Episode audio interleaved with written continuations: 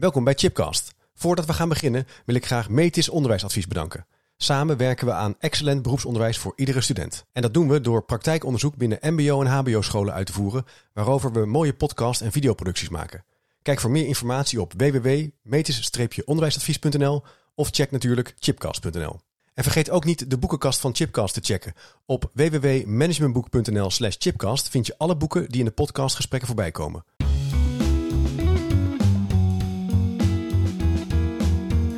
Welkom bij een nieuwe aflevering van Chipcast. Een podcastserie waarin ik op zoek ga naar verrassende antwoorden en nieuwe perspectieven op vragen die mij bezighouden. En vandaag de gast in de studio is Allard Joosten. Allard, hartelijk welkom. Goedemorgen. We zitten hier op gepaste afstand in een ruimte met uh, ramen open. Dus uh, we dachten dat we dat wel live uh, hier in de studio konden opnemen. Ik vond het ontzettend leuk dat je er bent. Ik heb met heel veel plezier een boek van jou gelezen, recent uitgebracht. Studenten verleiden tot leren. Mm -hmm. En over dat boek en over die principiële vraag, hoe verleid je studenten tot leren, gaan we het hebben. Ja, leuk. Podcast. Ja. Dus daar gaan we induiken. Ja. Um, voor degenen die jou nog niet kennen, even een korte introductie. Er is wellicht nog wat meer over te zeggen, maar jij traint docenten in het geven van effectief onderwijs. Mm -hmm. Je bent mede-initiatiefnemer van de Docentenacademie. Mm -hmm. Dat is voor docenten in het hoger onderwijs. En jullie bieden trainingen, individuele begeleiding en online hulp aan in deze tijd.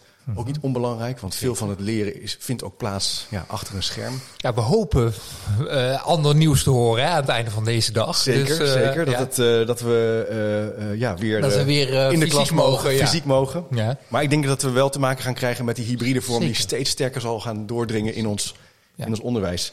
En jullie hebben ook een heel mooi motto: geen onderwijs zonder relatie, geen training zonder actie en geen les zonder plezier. Ja. Dat vond ik wel een mooie. dus we gaan het dus hebben over die vraag: hoe verleid je mm -hmm. studenten tot leren? Um, even ter introductie op, op wie jij bent en jouw achtergrond. Ik ja. las zo op LinkedIn toen ik wat voorwerk aan doen was dat jij een promotieonderzoek hebt gedaan naar de relatie tussen de huisarts en de patiënt. Ja. Klopt, klopt. dat? Ja, dat klopt. Ja. Dus, dus vond ik een interessant. Ja. Uh, een historische uh, gebeurtenis, denk ik, voor jou. Een belangrijk moment, een belangrijk onderzoek. Kan je ja. iets zeggen daarover? Nou, ik ben, ik ben van, van huis uit Nederlandicus, dus ik heb Nederlands gestudeerd. Ah, okay. en ik heb me gespecialiseerd in mondelinge communicatie en interactieonderzoek. En aan het einde van mijn studie werd ik helemaal gegrepen door dat onderwerp interactie. En toen wilde ik eigenlijk graag door. Dus ik wilde promotieonderzoek doen. Nou, die plaatsen waren gewoon spaarzaam zelden. Uh, alleen toen kwam er een, ik heb in Utrecht gestudeerd, er kwam een promotieonderzoek uh, vrij in Groningen op het gebied van huisarts-patiënt interactie. Ja, toen dacht ik, dat uh, moet ik gaan doen. Niet, niet dat het mij speciaal om huisarts-patiënt interactie ging, maar het ging me om, om interactie. En het maakte me niet uit in welke context eigenlijk, als ik daar maar onderzoek naar kon ja. kon gaan doen. Ja. Dus dat ook klasseinteractie bijvoorbeeld kunnen zijn. Dit, was, nou, dit onderwerp was al bepaald, dus daar ben ik op ingesprongen. En uh, ja, ik, dat was een fantastisch project, omdat het een uh, hele mooie samenwerking was uh, tussen uh, en het, zeg maar taalwetenschap en huisartsgeneeskunde. Dus dat ook erg een praktische vertaalslag. Ja, ja, en ja, wat ik heb gedaan, ik ben gewoon consulten gaan opnemen. Dus we gaan kijken, goh, hoe, hoe, hoe gaat die interactie? Wel met een specifiek onderwerp, het ging heel erg over psychosociale zo, diagnostiek. Dus het was wel een heel specifiek onderwerp. Maar het ging, ja, het ging voornamelijk over goh, wat zegt zo'n huisarts, wat doet zo'n patiënt, hoe reageren ze op elkaar. En gewoon hoe brengen ze samen zo'n consult tot stand. En uh, ja, hoe gaat die interactie in zijn werk. Dus ik ben, uh, ik heb in die periode in, uh, nou, in Noord-Nederland heel veel in de huisartsenpraktijk gezeten. Wel met camera, dat was vrij nieuw in die tijd. Want we praten over... Videocamera dus? Echt met een videocamera, ja. ja. Met beeldmateriaal. Dat was in de jaren negentig nog. Hè, van, we hebben het inmiddels over de vorige eeuw, hè, mag ik dan zeggen. Uh, en uh, dat was vrij, uh, vrij uniek ja. voor toen. ja, het is uh, als er, ja, het is nu, het is inmiddels 20, wel 25 jaar later, dus ik kijk daar natuurlijk nu heel anders naar. Ja. Maar toen vond ik het geweldig om ja. dat onderzoek te doen. En uh, ook vooral om uh, met, een, ja, ik noem het toch een praktijkonderzoek bezig ja. te zijn. En met praktische implicaties en die vertaalslag te maken van ook aan huisartsen te kunnen aangeven, goh, wat zou je mogelijk anders kunnen doen? Of überhaupt inzicht te geven in, hè, in wat doe je? Uh, dat was eigenlijk de basis van, goh, ben je bewust van wat je doet en wat het effect daar is. De reflectie is. van, hé, hey, zo handel je. Ja. Je zou misschien kunnen zeggen dat in die korte tijd dat je daar aan, dat aan die tafel zit, er een belangrijk proces gaande is. Een relatie, een wederzijdse beïnvloeding, een gesprek. Zeker. Waarin je een anamnese moet afnemen, maar ook tot een soort conclusie moet komen. Ja. In zekere zin, ook wel in het onderwijs, heb je ook een beperkte tijd. Je bent altijd in interactie. Zie je ook, als je nu zo terugkijkt op die 25 jaar geleden en dan nu kijkt naar je werk, zijn er, zitten daar overeenkomsten? Eh, Dus, nou eh, ja, eh, eh, ik bedoel, eh, eh, eh, w- wij nu, Ja. wij hebben ook een interactie Ja. natuurlijk. Eh, zo heeft een huisarts en een patiënt ook een interactie. Zo heeft een docent ook met een klas natuurlijk een interactie. Ja. En wat ik, wat ik daar heel erg interessant aan vind, is... iedereen heeft daarin wel zijn rol, maar die interactie breng je gezamenlijk tot stand. Ja. Ook als zo'n klas muisstil is, Ja. is een klas muisstil. Ja. Eh, maar ze zijn wel stil. Dus eh, er wordt, oh, daardoor wordt er ook gecommuniceerd eigenlijk in de, in de stilte, snap je? Dus natuurlijk heeft een docent een andere rol. En die zie ik, die, daar is hij ook zich meestal wel bewust van. Maar toch, samen met die klas wordt die interactie tot stand gebracht. Dus ook zo'n zo'n huisarts-patiëntgesprek. Er wordt gezegd, goh, maar die huisarts heeft uh, concepten als macht komen dan naar voren. Ja. En heeft expertise en Autoriteit. Zeker, Ja. maar het is de patiënt die eh, een amnese inbrengt, die vertelt bijvoorbeeld. Of Ja. die is op gezette tijden stil, of Ja. die heeft zelf ook een idee. Dus eh, dat had een beetje met mijn methodiek te maken, hoe ik naar die gesprekken keek. Van, eh goh, maar mensen brengen die gesprekken gezamenlijk met elkaar tot stand. En dat is ook waanzinnig om in de klas te kijken, want dat gebeurt in een klas natuurlijk ook. Eh, het is natuurlijk- actie-reactie Actie, en dat, ik denk dat dat heel interessant is, ook aan jullie, aan jullie, aan jouw boek, aan jullie boek, omdat er ook zoveel voorbeelden en handreikingen in worden ge- geboden, hoe je daarachter kan komen, wat effect is van je handelen, hoe je je les goed kan voorbereiden. Ik herinner me nog wel in het begin van mijn lesgevende Ja. loopbaan, dat ik heel erg met mezelf bezig was. Van, oh, Mhm. ik hoop maar in hemelsnaam dat dit lesdoel, dat ik het goed op het bord kan krijgen, dat ze die oefening gaan maken en dat ik het Mhm. dan tot een eind kan brengen na 50 minuten. Maar je Nou- merkt na verloop van tijd dat je meer gaat kijken van... hé, hey, maar landt het wel überhaupt Zeker. wat ik hier aan het vertellen ben? Of ben ik niet vreselijk Ja. lang aan het woord bijvoorbeeld? Ja. Maar dat is wel leuk wat je vertelt, Chip. Want dat is volgens mij heel erg een ontwikkeling die je als docent doormaakt. En die ontwikkeling zie je bij docent. Nou, ik ben zelf docent Ja, jij bent- geweest. Nou, ik doseer nog steeds, maar natuurlijk niet, nou, niet meer voor studenten, maar meer voor docenten. Eh, en die ontwikkeling zie je ook. Ik, ik, dat is meer eh, de zorg eerst om jezelf natuurlijk. Hè, van, Ja. Nou, ik zeg altijd, ik vind als je net start als docent, volgens mij red ik het überhaupt hè, voor die groep en voor die klas. Het is gewoon eh, eerste hulp bij, bij ongelukken, Ja. vind ik het. Ja. Oké, en als je die eerste fase doorstaan hebt, oké, dan ben je. Dan ga je een volgende fase in. eh, soms nog meer wel op jezelf gericht. Maar dan is die eerste schrik, is, daar ben je Ja. van bekomen. Ja. Eh, en gaandeweg zie je inderdaad zo'n ontwikkeling van... oh, eh, veel meer bezig met, oké, maar wat... goh, ik probeer inderdaad iets over te dragen of iets bij te brengen. Maar wat is het effect op die studenten? Eh, wat kan ik doen? Dus dat je veel meer gaat verplaatsen, zeg maar, in die Ja. studenten. Ja. Eh, nou ja, dat, is ook op een gegeven moment dat je een beetje naar, ja, van junior naar senior, eh, senioriteit je gaat. vlieguren in zekere zin. Zeker. Dus je moet ook gewoon lekker veel lesgeven, veel doen, veel feedback krijgen. We gaan het hebben over dat punt van verleiden tot leren. Dus daar kunnen we ook nogal een vraag over stellen. Maar daar gaan we zo op terugkomen. Wat ik wel interessant vind om even de, de, eh, het basisuitgangspunt van, je, van, van deze filosofie of van de denkwijze van het boek Ja. even neer te zetten. Ja. En dat, het ABC'tje, als ik er zo vrij mag zijn. Want zo wordt het ook genoemd in het boek. Nou, misschien is het wel goed om daar iets wel. eh, want hoe kom, hoe, überhaupt, hoe kom ik op dit boek? Hè?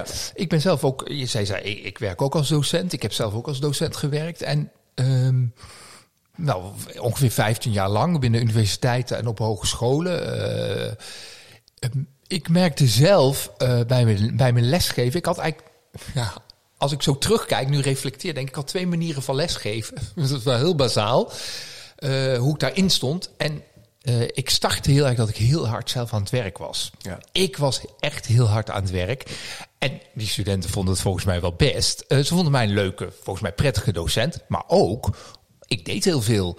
Dus ik loste heel veel op. Ik had heel veel opdrachten. En eh, als ze, nou, ik zorgde wel dat ze daarmee aan de slag gingen. Maar ik was keihard aan het werk.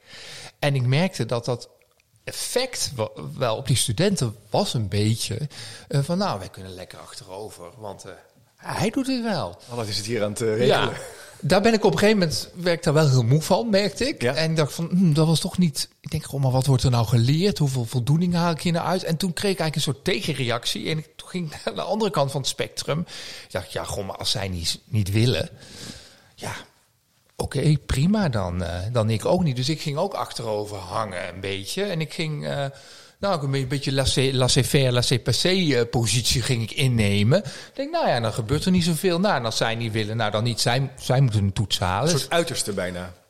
Ja, daar haalde ik ook weinig voldoening uit. Want ik zag, ik zag van die beide, beide gedrag van mij zag ik het effect daarvan was op zo'n groep dat zij gewoon achterover gingen. Een soort apathie, zeg maar, bij die studenten. En ik denk, ja, dat is niet wat je wil. Daar krijg ik ook weinig voldoening uit. Maar ik denk, ja, wat zijn dan sleutels? Dan komen tot. Ja. Daar ben ik toen pas naar gaan zoeken. Ik denk, ja, maar dit werkt niet voor mij. Nee. En het werkt ook volgens mij niet voor de groep, want er wordt niet veel geleerd. Oké, maar wat? Ik had geen ik had eigenlijk geen idee. Uh, inmiddels, we zijn, uh, ik ben gestart uh, eh, 30 jaar geleden. Inmiddels is er in het onderwijsland ook best wel zoveel veranderd. Hè. Er zijn veel meer cursussen didactische bekwaamheid gekomen. Nou, die waren er in mijn tijd mondjesmaat, moet ik zeggen. Oh ja. Dus ik ben ook zelf op zoek gegaan. Nou, wat, wat gaat helpen? Wat zijn sleutels? en toen kwam ik eigenlijk uit op ja, het thema motiveer, hè, motivatie. Zijn die, zijn die studenten nou zo ongemotiveerd? Of wat is hier aan de hand? En wat, wat kan ik daarin doen? Uh, uh, wat, wat, wat kan mij helpen om uh, die studenten betrokken te houden? Om, ja. Dat heeft wel te maken, vind ik, met een, ja, ik noem het een taakopvatting voor jou als docent. Vind je dat je daar een rol in hebt?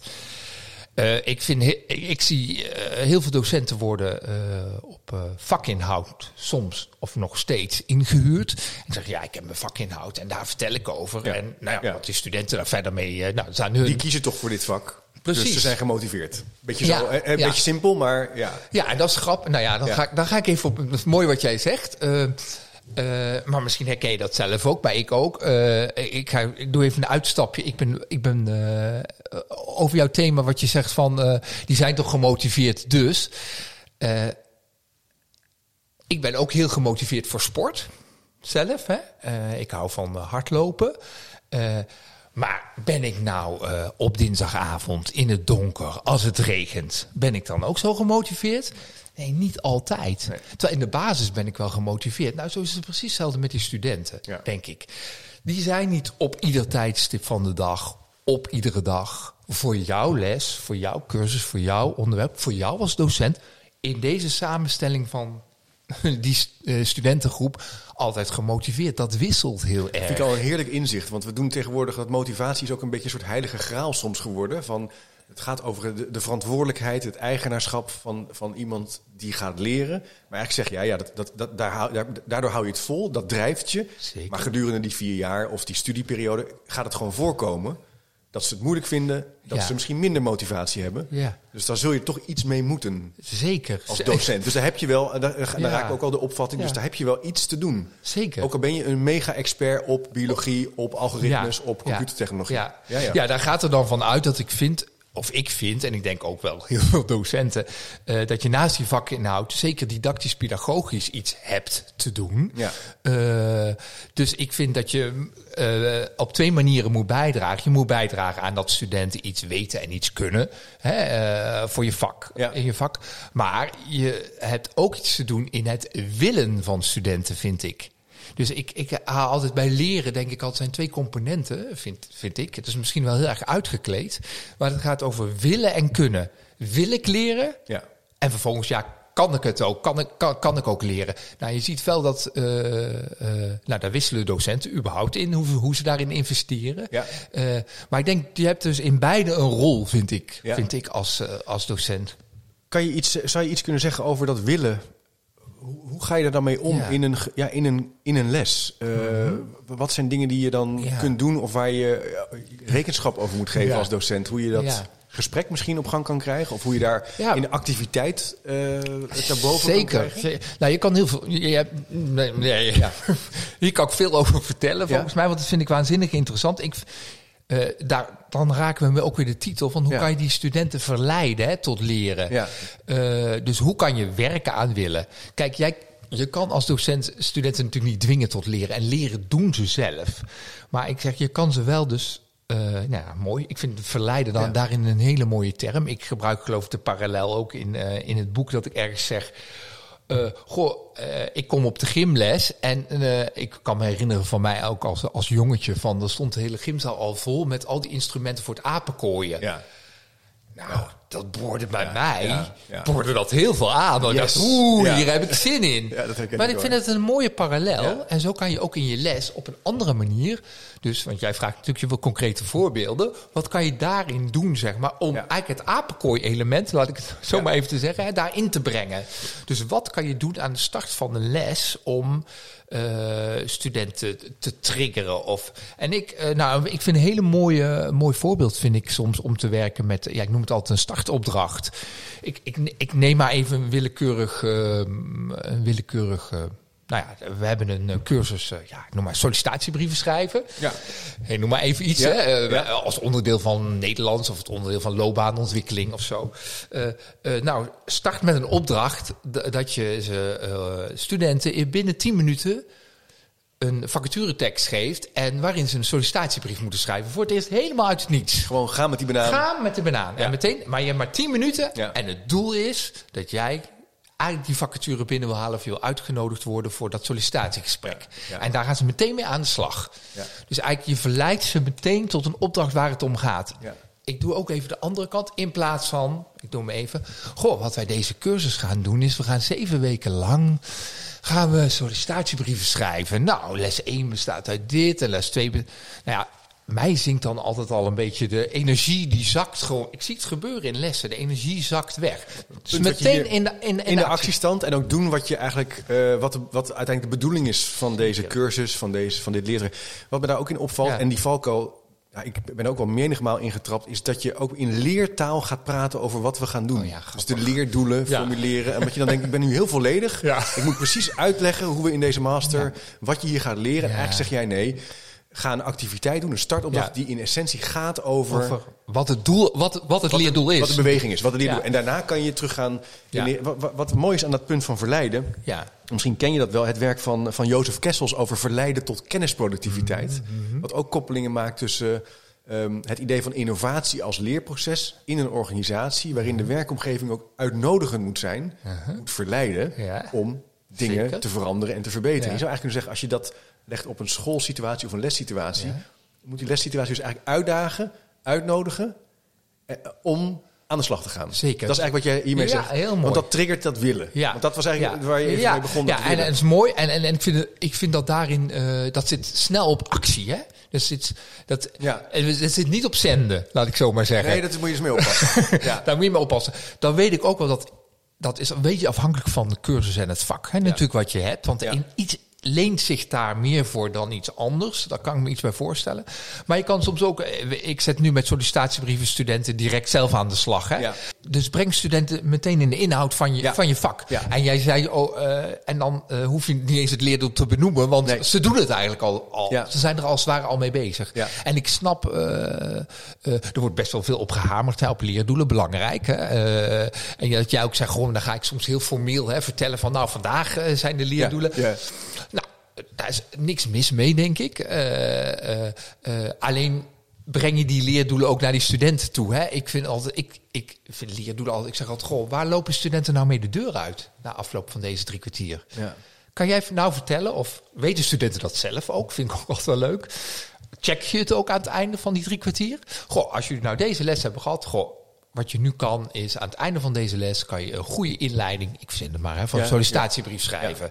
Dat is het doel van vandaag. Dus zo kan je dat wel benoemen. Maar ik vind het mooie van, nou ja, laat ze het maar doen. Ja. En dan kan je altijd nog met terugwerkende kracht zeggen, nou, wat jullie vandaag geleerd hebben volgens mij, maar ik wil het even toetsen. Ja. Vind ik altijd wel belangrijk, even toetsen bij Ik jullie. denk dat het ontzettend belangrijk wat je, daar, wat je daar zegt. Dat je meer kijkt naar wat, wat, wat neem je mee naar huis. Ja. Ik ben ook wel de afgelopen jaar aan het experimenteren met ook tussentijds. Ja, toetsen klinkt zo zwaar, maar bijvoorbeeld een multiple choice vraag. Of weet je nog, in het begin van het college hebben we deze dingen gezegd. Mooi. Wat waren de vijf punten die in een verandermanagement aanpak Ja. Cruciaal zijn? Ja. Maar ik schrok ook wel toen van, oh wacht, heel veel studenten hebben dat niet scherp op een netvlies. Nee. Ze vergeten ook dingen. Ja. Het is natuurlijk ook heel veel Ja. wat ik dan ga vertellen. Ja, ja. Dus het is ook zoeken naar de, de manier om ehm, als docent ook wel ja, ja, niet alles te, hè, volledig te willen zijn. Ja.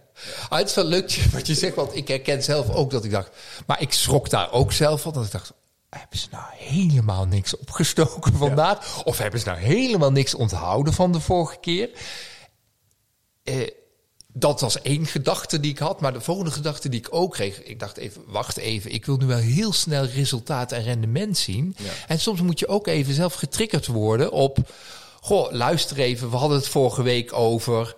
En ik mm. val me altijd op dat in klassen heel weinig bedenktijd wordt gegeven door docenten, vind ik. Om eens even uh, dat studenten de tijd krijgen om even na te denken of even op te schrijven oké, noem nou eens drie, ik noem even, noem even drie kernbegrippen waar we het vorige week over hebben gehad.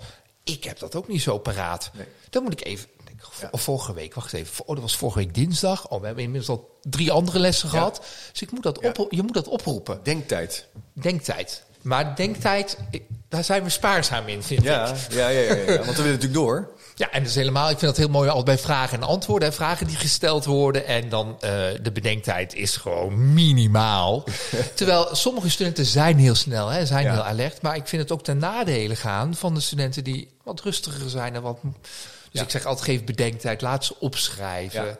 Laat ze eerst onderling uitwisselen. Ook voor uitwisselen, journaling in zekere zin, schrijf als sleutelwoorden op. Ook weer om even die bruggetjes te bouwen ja. tussen die neurale netwerken, als we hebben over leren van, maar ook tussen de stof die je eigenlijk zelf over wilt dragen. En, en je hebt dus um, uh, dat willen en dat kunnen, daar hebben we het dan zo over. En um, jij hebt het in het boek ook over het, de ABC. Ja. ja, methode. Nee, dat is niet de methode, maar het ABC-perspectief. En dat vond ik wel heel mooi gevonden. Zou je er iets meer over kunnen zeggen? Over nou, het is absoluut niet van mij. Dus dat nee, nee, nee, meteen, maar je hebt het wel even zeggen. geplaatst ja. binnen... Ja. Uh, dat gaat over motivatie. Uh, ik ben wel nou, een deel de motivatieliteratuur ingedoken. Van, uh, goh, wat, is er nou over bekend? Uh, en daar kom ik op je, het het ABC-model, zoals ik het noem, van motiveren. Uh, belangrijk model van uh, Ryan en Daisy. Uh, die uitgebreid onderzoek hebben gedaan naar motivatie. niet alleen binnen schoolsettings, hè, maar binnen ook werksettings, ja. ziekenhuizen. nou, hele, heleboel sectoren. Dit, dit is gewoon het leidende model binnen de sociaal psychologie over motiveren.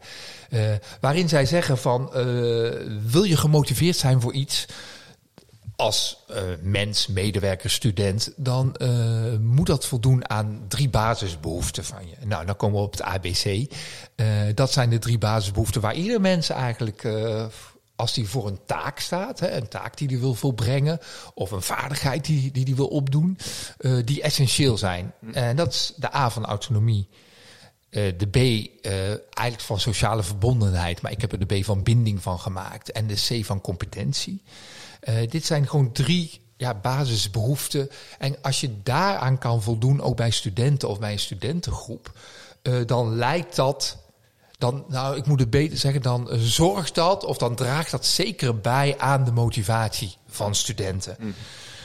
Uh, zal ik die ABC nog maar even toelichten? Dan? Ja, ja, ja. ja, Uh, A staat voor autonomie. Hè? Uh, en autonomie, nou ja, zoals het woord al zegt, heb ik het idee dat ik ook autonoom kan handelen heb ik het idee dat ik als student ook regie heb over mijn leren. Nou, snel wordt daar gedacht aan keuzes. Hè. Bijvoorbeeld, eh, heb ik keuzes in mijn leren? Of moet ik door een mal en door een verplicht, ga ik als nummer, zeg maar, hè, door, mijn opleiding, door mijn opleiding heen. Hoe meer je bij kan dragen aan autonomie, daar wil ik straks nog wel iets meer over zeggen, dan uh, draagt dat bij aan motivatie. Ja. Uh, B staat voor binding. Dan gaat het echt over, uh, hoor ik bij de groep? Accepteert de groep mij? Uh, welke relatie heb ik met de docent, de docent met mij? En is er onderlinge verbondenheid? Dat is eigenlijk het, ja, het, het, het groepsidee. Ja. en heb ik zorg naar anderen en is er ook zorg voor mij? En Competentie staat voor, uh, nou ja, kan ik iets? De taak waarvoor ik sta, kan ik die uitvoeren? Dus het moet niet te makkelijk zijn. Het moet ook niet te moeilijk zijn, het moet uitdagend zijn.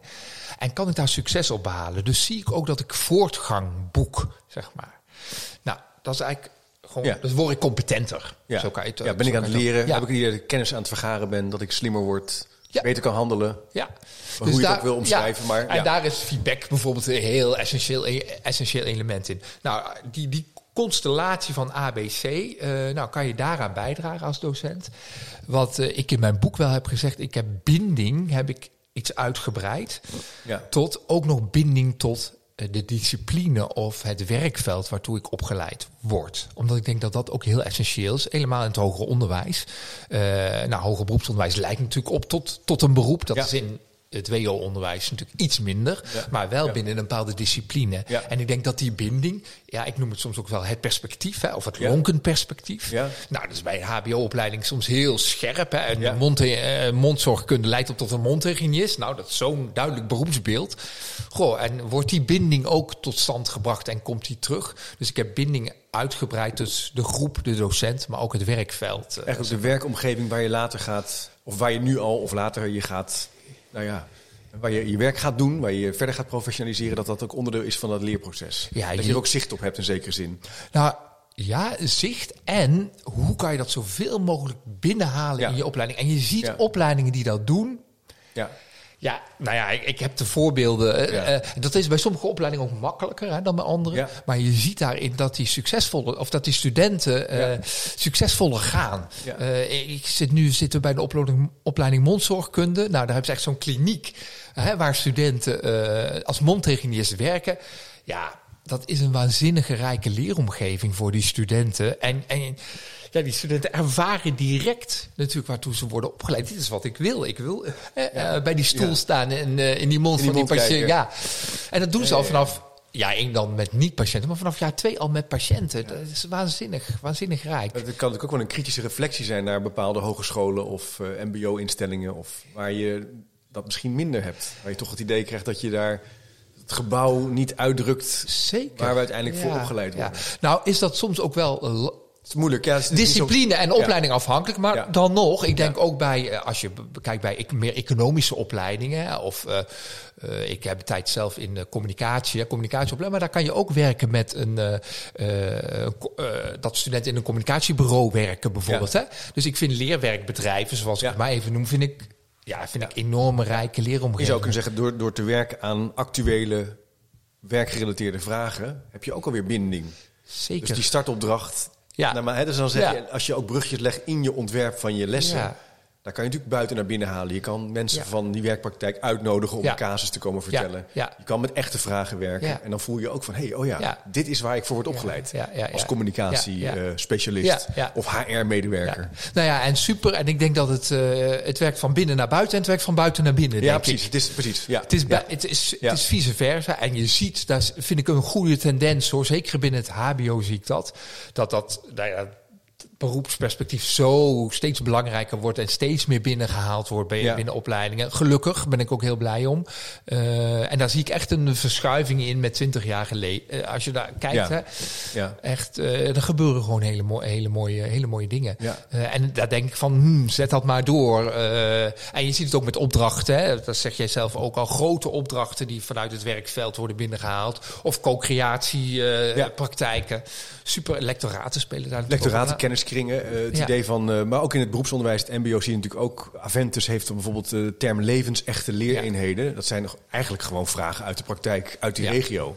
Hoe gaan we om met die enorme berg oude koelkasten die we moeten recyclen? Nou, dan worden studenten op losgelaten en die bedenken in één keer een bedrijf. En, dan, nou, en dan gebeuren er allerlei dingen.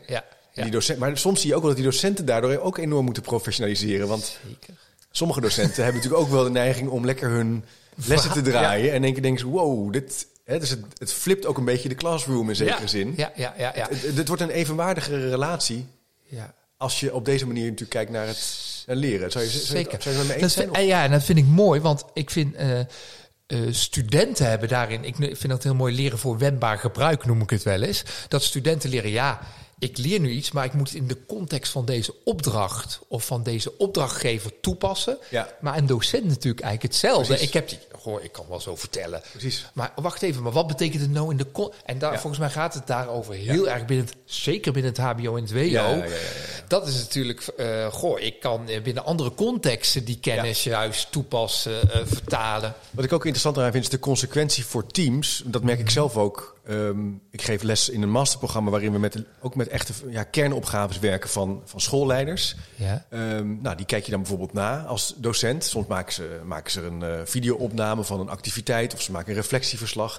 Maar het vraagt ook voor docenten zelf kalibreren en uitwisselen over mm -hmm. ja, hoe, kijk, hoe beoordelen ja. we dan iets. Ja. Uh, en als je, want dat vraagt wel ontmoeting en dialoog. Want je kan minder makkelijk varen op, nou ja, de multiple choice is een beetje flauw, maar de toets, Zeker. de summatieve toets, Ja. naar meer, oké, wat, voor, wat voor vorm van beoordeling koppelen we hier Ja. aan? En dat vraagt wel tijd als Ja. team. Ja, En dat is heel leuk om te doen, Ja. maar het is niet zomaar even in een uurtje gepiept. Je moet Nee. dezelfde taal gaan spreken, je moet... Ja, maar ik denk dat het wel essentieel is wat jij nu aanhaalt en ook belangrijk is. Ook zeker belangrijk, want je kan zeggen, ik vertaal het even naar het ABC. Ja. je kan zeggen, goh, maar daar gaat, ik zeg het even, daar gaat mijn autonomie hè, als docent. Want heel veel docenten vinden het ook, ik bedoel, dat vond ik zelf ook. Je Ja. kan ook heel veel in je eigen koninkrijkje Ja. bepalen. Ik, ik sta alleen voor die groep. Ja. Bij mij kwam, is nooit iemand in mijn hele carrière, Eén één keer is mijn leidinggevende komen kijken naar mij hoe ik mijn les deed. Zo. Maar daarna is er nooit, is er nooit iemand geweest. Dus ik had, was vreselijk autonoom. Vond ik ook fijn, hè? Vond ik ook belangrijk. Ja, het is ook fijn. Ja. Maar ik denk, hmm, hmm, het is ook wel belangrijk om professionele dialoog te voeren, zeg maar. En dat raakt, dat raak jij nu in het team. Dat raakt dan wel weer binding trouwens. Hè? Dus dat raakt weer de B van binding. Eh gooi, maar ik ben ook natuurlijk onderdeel van een gemeenschap, van een Ja. docententeam, Ja. van een opleiding. Ja. Eh, Maar denk je niet dat, want eh, nu in mijn, nou, niet dat ik nou zo lang werk, maar de scholen die ik bezoek, oké, het is met name in het PO, ook wel in het. VO, goede scholen, dan kan je altijd, wat is dan goed, maar scholen Ja. waar het lekker gaat, waar eh, de leerdoelen worden bereikt, de streefniveaus, als je het op het PO hebt, daar zie je toch vaak dat die teams bij elkaar in de klas kijken, dat er een cultuur is van uitwisselen, ook van feedback geven. Van professionele dialoog. En ook in zekere zin van kalibreren. Van, oh, ik, had die, Mhm. ik heb dat vorige week zo gedaan. Dat, dat liep niet lekker. Of ik heb die jongen eruit gestuurd. Dat had ik eigenlijk niet moeten doen. Dat is volgens mij een heel belangrijk punt. Ik denk dat, en dat vinden docenten denk ik wel spannend. Ja. Ik ook hoor, als ik in de les, als in één keer, heb ik ook wel eens gehad. Ik denk, oh mijn, mijn hemel. Ja. Als ik het maar goed doe. Het is vaak heel leuk, tegenovergesteld is waar. Maar Ik denk dat, dat je hier een heel groot verschil nu naar boven haalt tussen PO, eh, ik moet even goed zeggen, het primair onderwijs, voortgezet onderwijs en, Ja. nou doe ik het even, MBO valt nog mee, maar HBO en WO. Ja. Ik denk dat die professionele cultuur, nou zoals ik het zie, daar minder is zoals jij hem nu beschrijft. Ja. Daar wordt wel op inhoud en op toetsing gekalibreerd, heel Ja. veel zelfs. Maar op bijvoorbeeld didac- didactische pedagogische aanpak, kijken in de klas. Nou, zoals ik zelf zei, hè, ik had één. Eh, Ik heb één keer iemand meegehaald, eh, die kwam kijken bij mij. Wij komen nu vaak zelf hè, in klassen, want we Ja. doen veel eh, lesobservaties. Ja, ja. Nou, daar moeten we soms ook wel wat over winnen, zeg maar. Hè, naar een teamleider of naar een docententeam. Is dit nodig? Er komt iemand meekijken. Terwijl op... Ja, het is, en dat snap ik ook trouwens. Hè? Ja. Dat snap ik ook. Ik ben ook gewend om lekker twintig jaar alleen te doen wat, Ja. ik, wat ik wil. Oeh, nou komt er misschien ook nog wel eens een expert. Wij vinden het eigenlijk belangrijk dat docenten bij elkaar gaan kijken. Hè? Want ik kan komen, dat is leuk. Maar ik ben extern en laat docenten vooral bij elkaar. En van elkaar leren vinden we heel erg essentieel. Dus dat proberen we zoveel mogelijk te faciliteren. Maar we zien wel ja, hele mooie effecten wel van... Goh, als, we nemen ook op, hè, dus als docenten zichzelf terugzien en... eh, eh, gewoon alleen maar vragen. Goh, waar- waarom, wa- eh, eh, waarom doe je dit? Waarom zet je dit in? Wat Ja. zie je wat de effecten daarvan Ja. zijn? Ja, de leerresultaten zijn waanzinnig. Ja. Maar in die zin vind ik de professionele cultuur... Nou ja, ook een beetje tussen aanhalingstekens. Ja. helemaal op het WO. Zeker. op universiteiten. denk, maar dat is een aanname. Wat ik denk ook wel meespeelt, is de, misschien wel de verengelsing. Mhm. Ik weet wel dat docenten die ik wel informeel spreek, dat best wel spannend vinden. Ja. Dat Engels moeten praten. Ja. En als dan ook nog iemand komt Ja. kijken. Ja. Ik heb het ook een keer mee. is best wel eh, een ding, want je moet in vakjargon iets uitleggen. Ik ben Nederlands. Ja. Kijk, je kan op je cv zeggen dat je vloeiend bent in Engels, maar het is toch steenkolen Ja, Engels. ja, Eh, en dat speelt ook nog wel mee. ja. Oh, dat, kan, dat zou zeker. Sommige ja. universiteiten. Ja, zou zeker. eh, Ik, ja, ik ben wel bij Engelstalige opleidingen geweest, ook binnen het HBO. Nou, ik, heb, nou, ik weet het niet. Nee, Dat zal- moet ik dat even kan. aan denken. Ja, dat kan. Dat kan. Ja. Ja. Hey, en dat, ehm, eh, Ja. de vraag is misschien ook wel, hoe kan je nou die autonomie bevorderen? Ja. Of die binding Ja. van, bij studenten bevorderen? en die competentie bevorderen. Dat is natuurlijk... wel, eh, eh, Daar gaat het boek over. Ja, eh, Dus die ABC, het is, is het ABC volgorde Oh, ja. wat jou betreft? Oh, of zeg je van nou, Ja.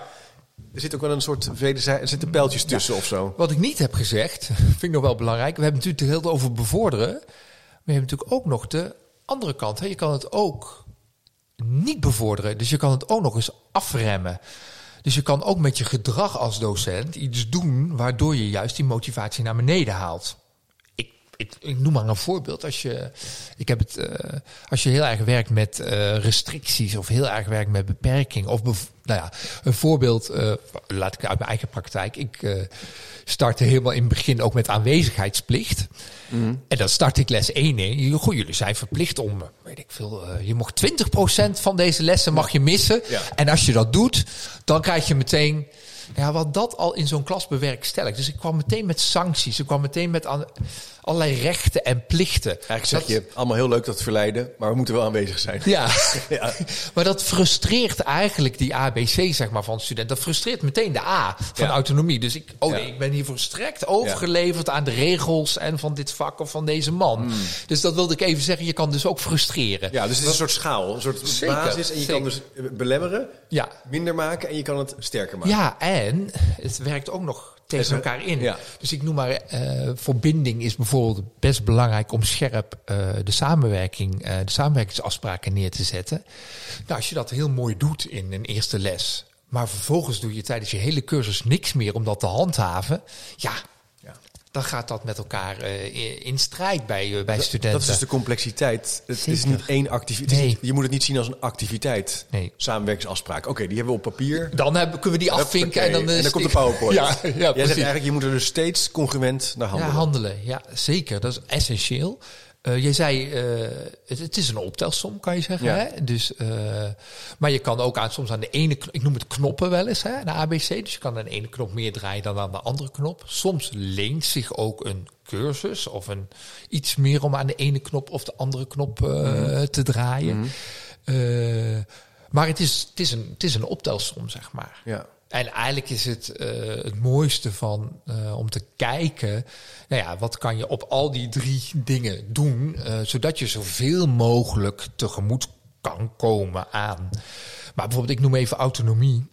je kan je voorstellen dat studenten ook gaandeweg een opleiding meer behoefte aan autonomie hebben en ook autonomie meer aankunnen. Ik ja. bedoel, voor een eerstejaars is dat anders dan voor een vierdejaars, ja. bijvoorbeeld. Ja. Ja. Uh, dus daarin kan je opschuiven, zeg maar. Ja, ja, ja, ah, je kan, maar je kan ook voor een eerstejaars al heel, in heel beperkte mate bijvoorbeeld keuze in een opdracht geven, of keuze in een onderwerp voor een opdracht geven, of keuze geven in met wie ze mogen samenwerken aan een opdracht. Ik noem maar iets.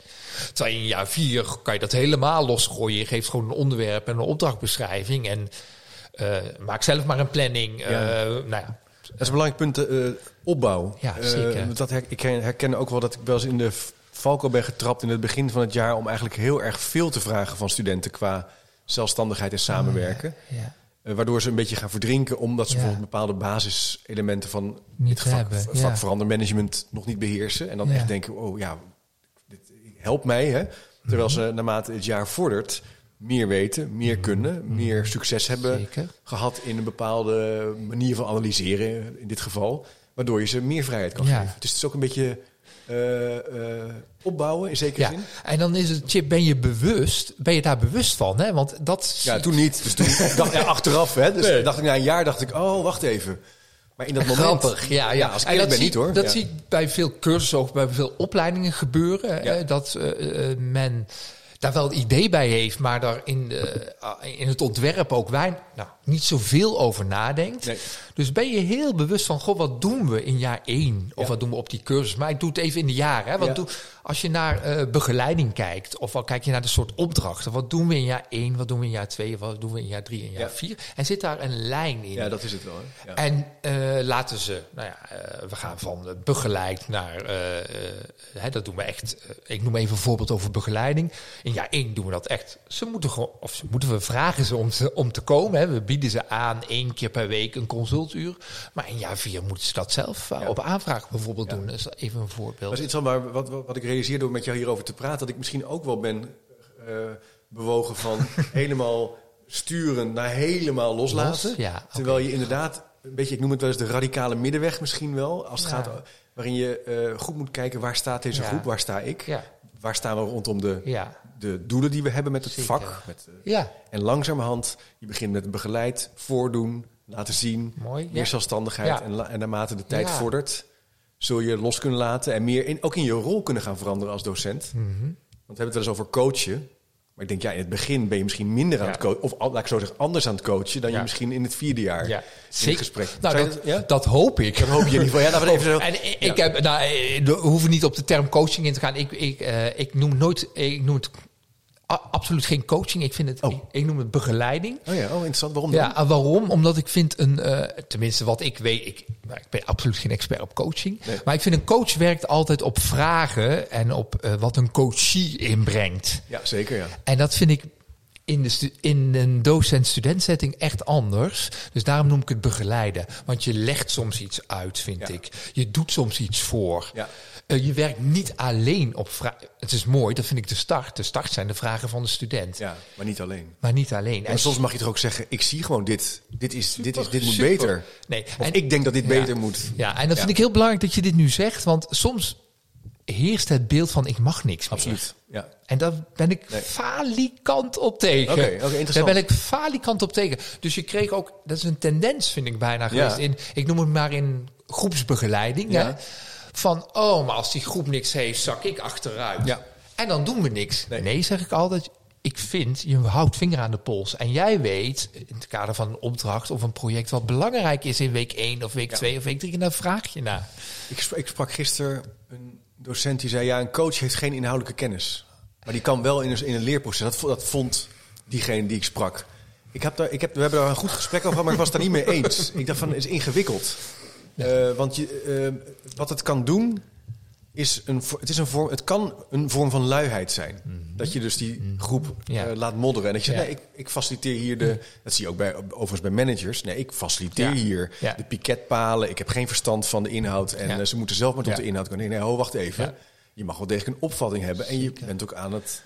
Je bent niet voor niks de docent. docent, ja. Eh, of of de manager. Hè? Dus de, de- dat- Ja, dus ik ben zelf, ehm, mm, ik vind, ik geloof in de combinatie, of ik geloof, ik denk dat de combinatie, de combinatie, belangrijk is. Dus ik, ik geloof niet in procesbegeleiders Nee. aan zich. nee. Dus dat Nee.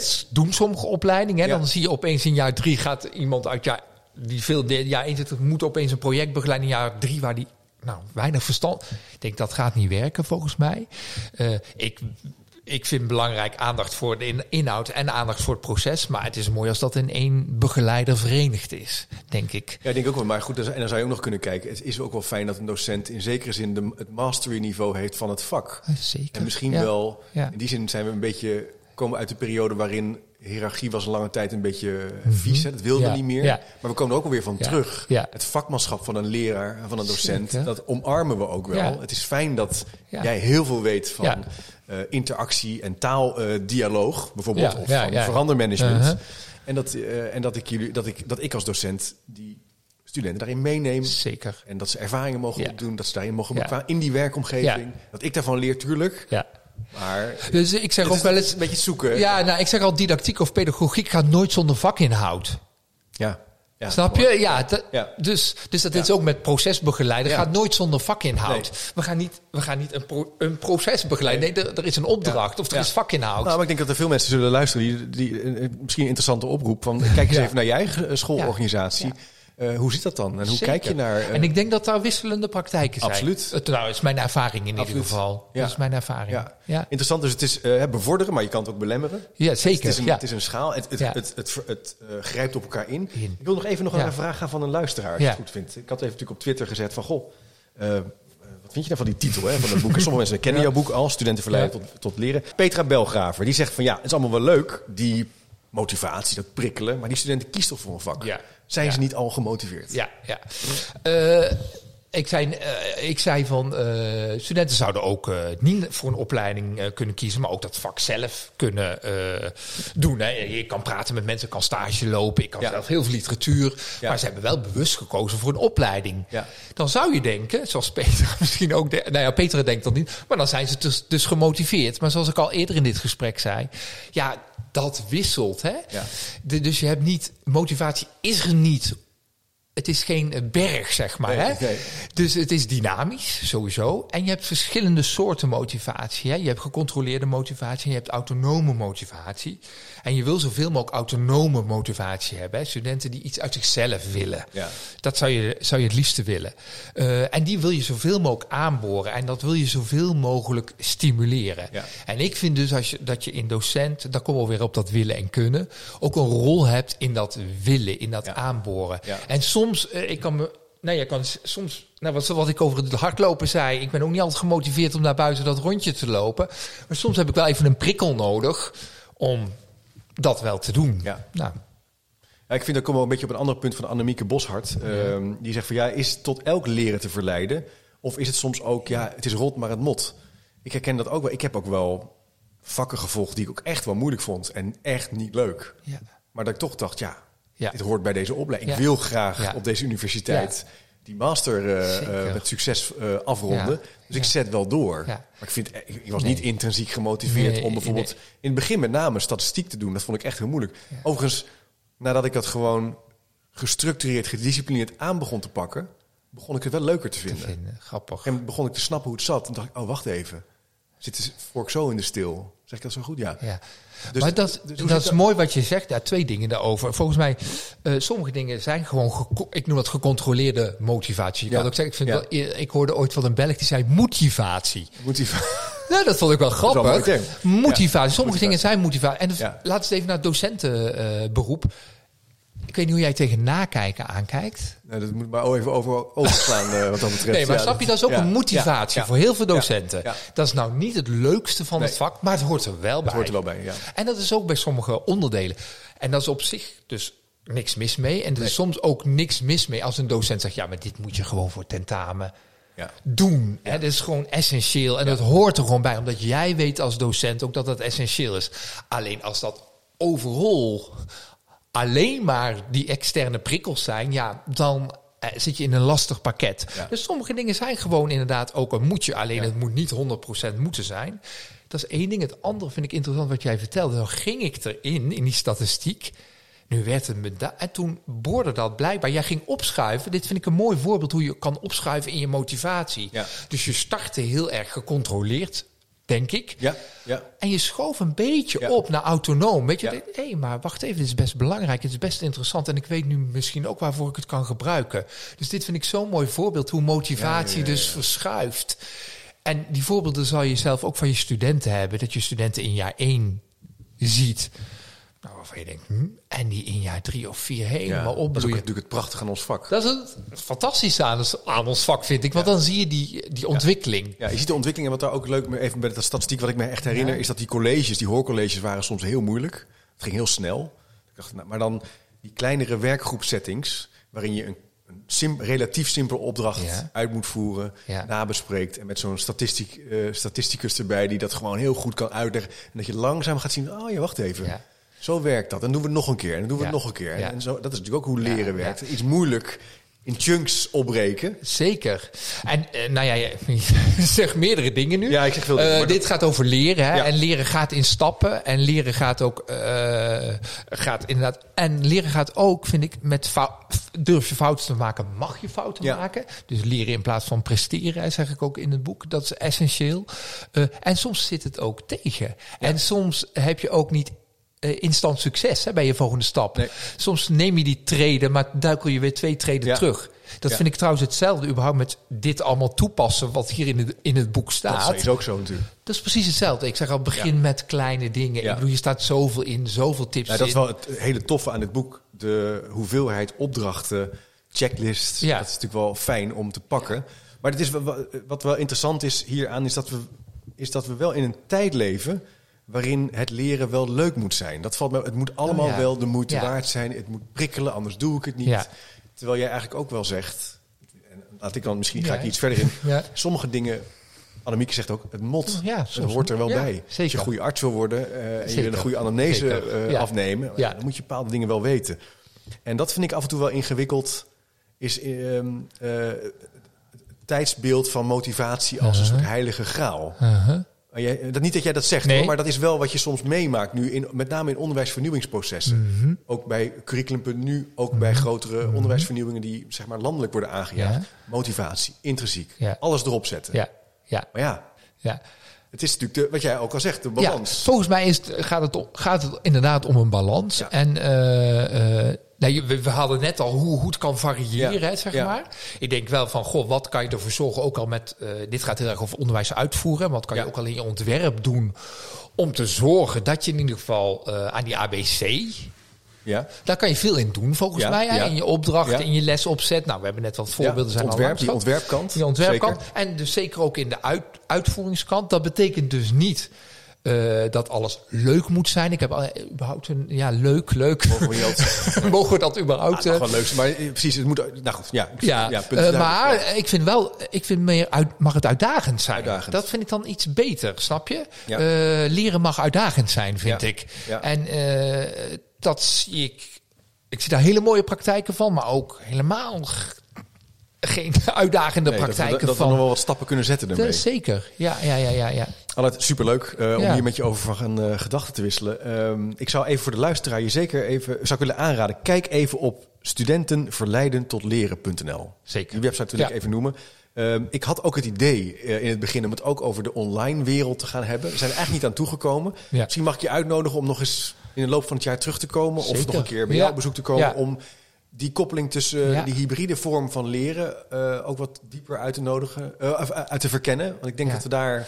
Nou ja, eh, één ding erover, want Ja. dat ABC staat enorm onder druk door het online leren. Ja, ja. Snap je? Dus het gaat in het boek over online en over fysiek, Ja. maar dat staat enorm onder druk. Ja, denk alleen maar aan binding en hoe eenzaam studenten op hun zolderkamer zitten. Nou ja, nou, leuk om daar nog nader over, ja, over te hebben. Ja, dat laten we dat doen. Ja. Eh, eh, want ik denk dat we die in die online, ja, die hybride vormen, die gaan op ons afkomen. Eh, die techniek staat niet stil. Ja.